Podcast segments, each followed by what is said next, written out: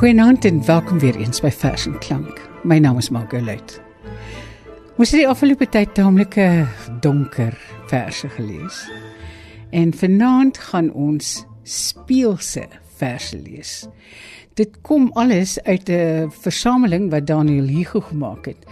En Tafelberg het dit gepubliseer onder die titel Speelse verse 'n keur saamgestel deur Daniel Hugo. Chris van die kerk het vir ons die verse gelees. En ek dink ons moet begin met 'n vers van Sheila Cousins. Ehm uh, Cousins is een van daai mense wat mens regtig nie aan dink as jy kom by speelse verse nie, maar sy het heelwat van hulle geskryf.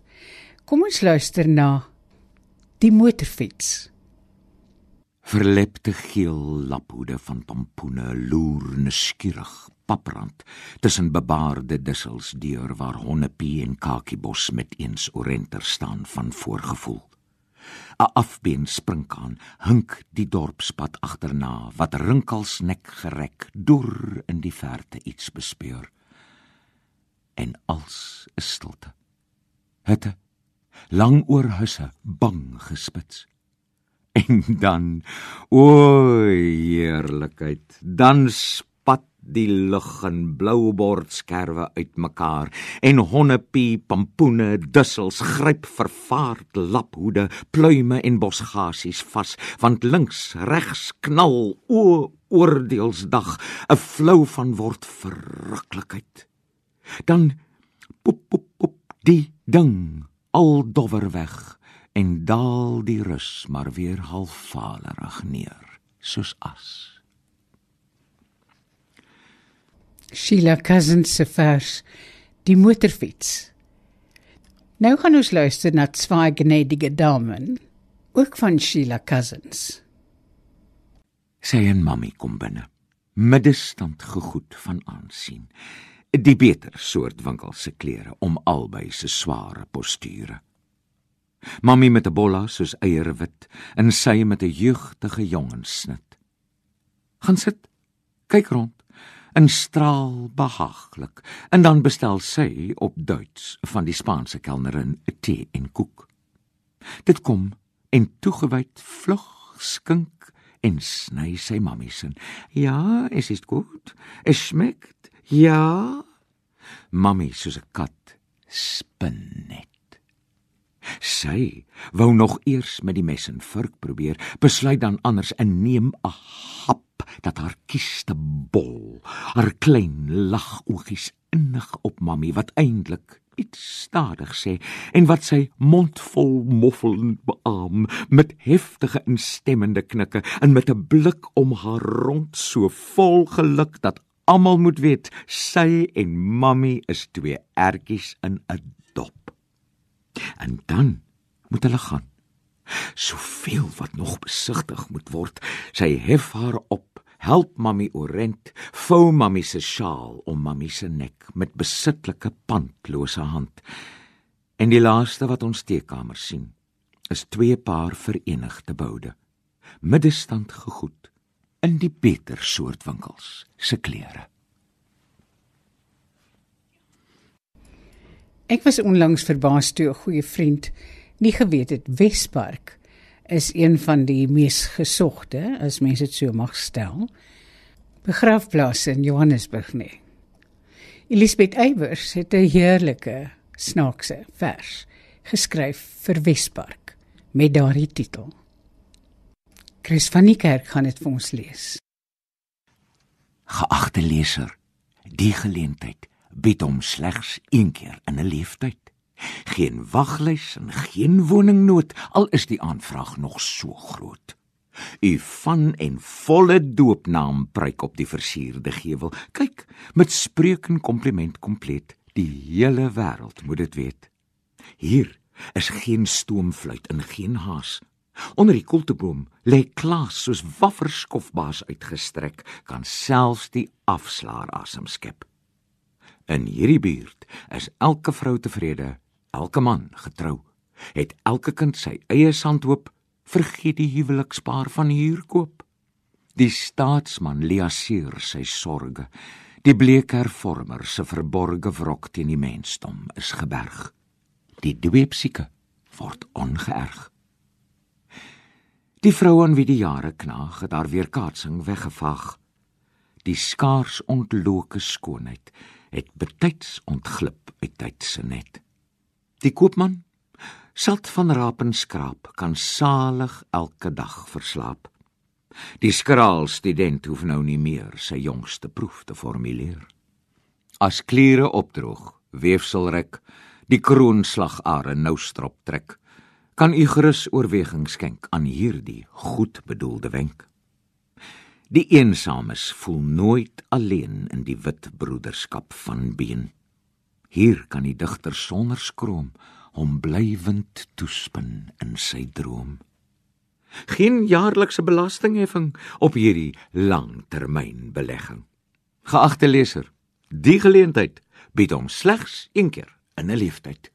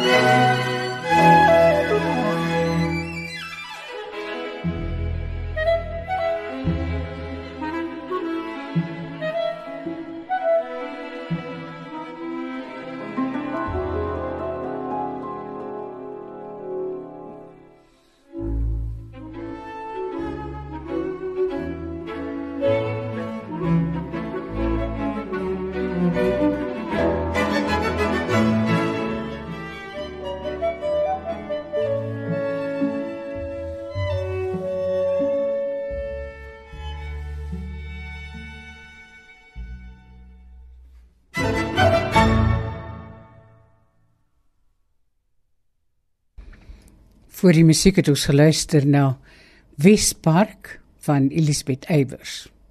Eybers, die bemarker. Nou gaan ons luister na 'n vers of twee van Stefan Bouwer. Stefan Bouwer, een van ons mees belowende regisseurs, veral vir televisie. Maar hy het ook lieflike verse geskryf. Hierdie is Macbeth in Wes-Transvaal. Chris van die Kerk. Met die swier van 'n stuurvegter onthul mevrou haar tafel en beveel: "Julle moet honger wees van al die praat."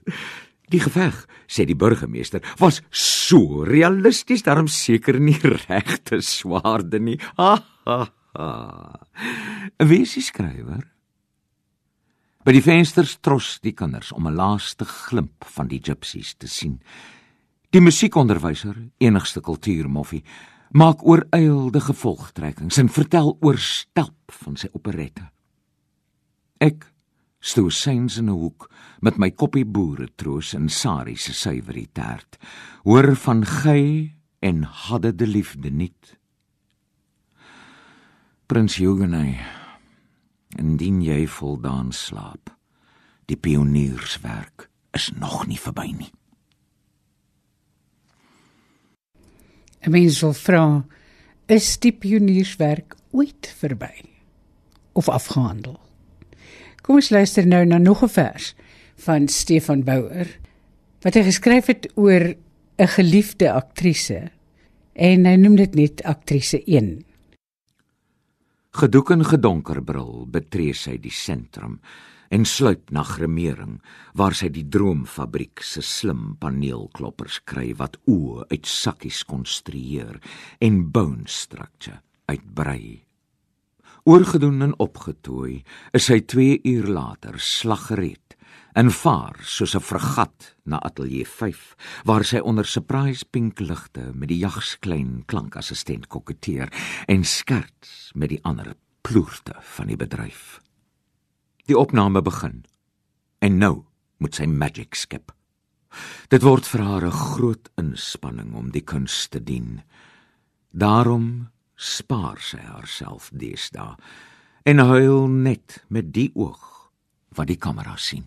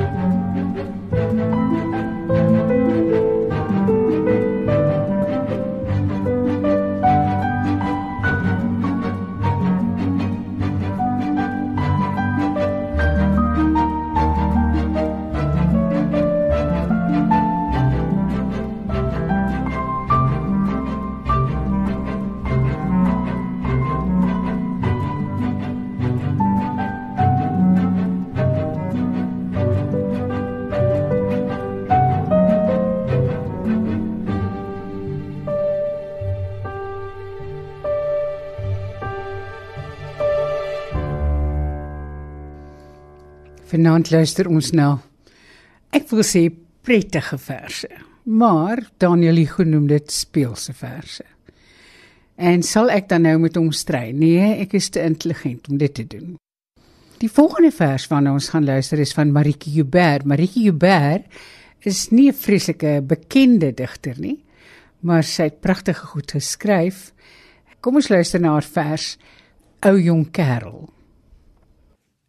Gesog is hy onder hulle.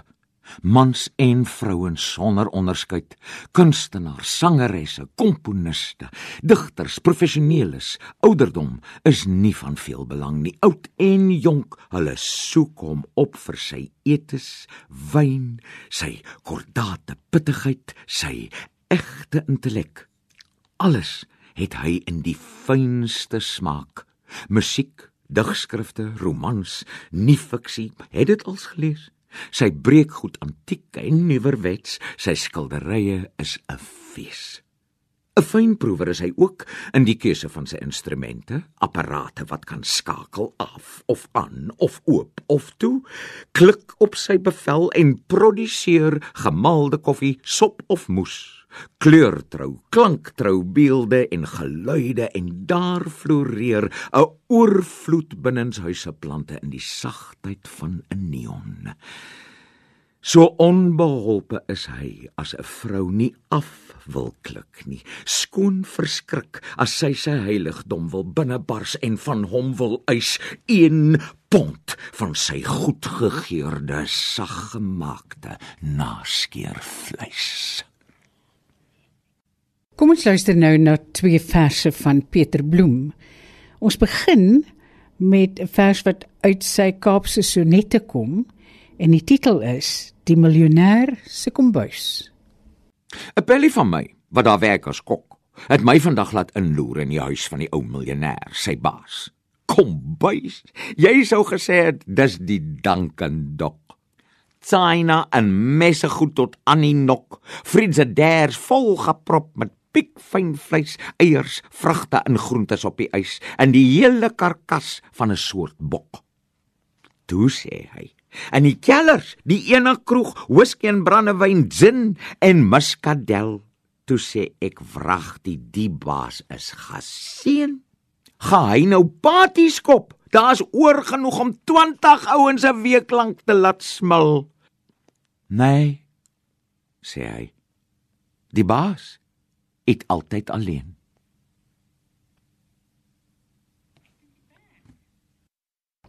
Miskien is dit nie heeltemal 'n speelse vers nie. 'n Hartseer vers. Nou gaan ons nou een van Daniel Hugo se vreugdes toe. Die limeriek. Die limeriek is van aard kompleks, maar sy temas is beperk tot seks. Dis berig vir dames en mans wat nie skaam is om hulself te ontbloot in 'n teks. 'n Sekere prof van Bloemfontein raak dronk van twee glase wyn. Toe die kelnerin kom, vat hy aan haar blom en jou vrag het daar spuit die fontein. Die ortodokse dopperventer vang jy met 'n maklike slenter. Gee hom 'n bottel wyn en vergeet hy is kalfyn met die geskink left, right en center. Daar's 'n Bethlehem in die Vrystaat, maar die is mos destyds oorgeslaat. Want hoe Gabriël ook al pleit, oral word hy uitgesmyt. Swanger maagde maak die kerkraad kwaad. Inkognito saam met die skoon Batseba bring Dawid 'n besoek aan Bat Betesda. 'n Koerantman gewaar die hoëgeplaaste paar en syn, die koning maak 'n skelm by die spa. Sekskapades gee glo trombose en onthouding verskaf neurose. Ek gee liewer die gees met 'n tevrede vlees as te leef met blomme sonder die bose. Vanaand het ons geluister na wat Daniel Hugo speelse verse noem. Dit kom uit 'n bundel wat hy saamgestel het met die titel Speelse verse, 'n keur deur Daniel Hugo. En dis 'n publikasie van Tafelberg. Maar ons gaan nou afsluit met 'n vers van Eus Kriege, Eva's kind. Hy leun daar teen die posbus aan en sy wieg wieg verby. Haar trui trek nou strop om haar hals. Kan sy nog asem kry? Haar heupe span tot barstens toe, haar romp van seegroen sy. Hy rook sy stompie ongeërg. Volg met sy kindersoog haar triomfantelike tog dan lag hy skielik droog. Die een kant op, die ander kant af, dis een vir jou, dis een vir my, maar jy tamteer my truitjie kind. Jy soek my en jy sal my kry. Hy skiet sy stompie na haar toe. Spoeg stil 'n straaltjie sap ter sy. Hyts! Klouter ek daai Pramberg op, na watter heltjie sal ek gly? My maag goed het my klaar gewoon. Weg is jy, daar is jy. Die stompie spat vonk teen haar skoen, maar haar van stryk afbring is min. Niks kan haar ewewig verstoor, haar savoir-faire oorwin. So vier in haar selfversekerdheid was Eva ook, dink ek, in die begin. Sy gee hom net een skamper blik, vernietig hom met een sin wat tref soos 'n geveerde pyl. Hou jou in, Errol Flynn. Dit was Eyskriege se vers Eva's kind. Vanaand het ons geluister na verse uit 'n bundel met die titel Speelse verse, 'n keur saamgestel deur Daniel Hugo. Dit was 'n Tafelberg publikasie. Van my Margolite en my getroue kollega Darin Oosthuizen. Alles van die beste. Tot volgende keer. Totsiens.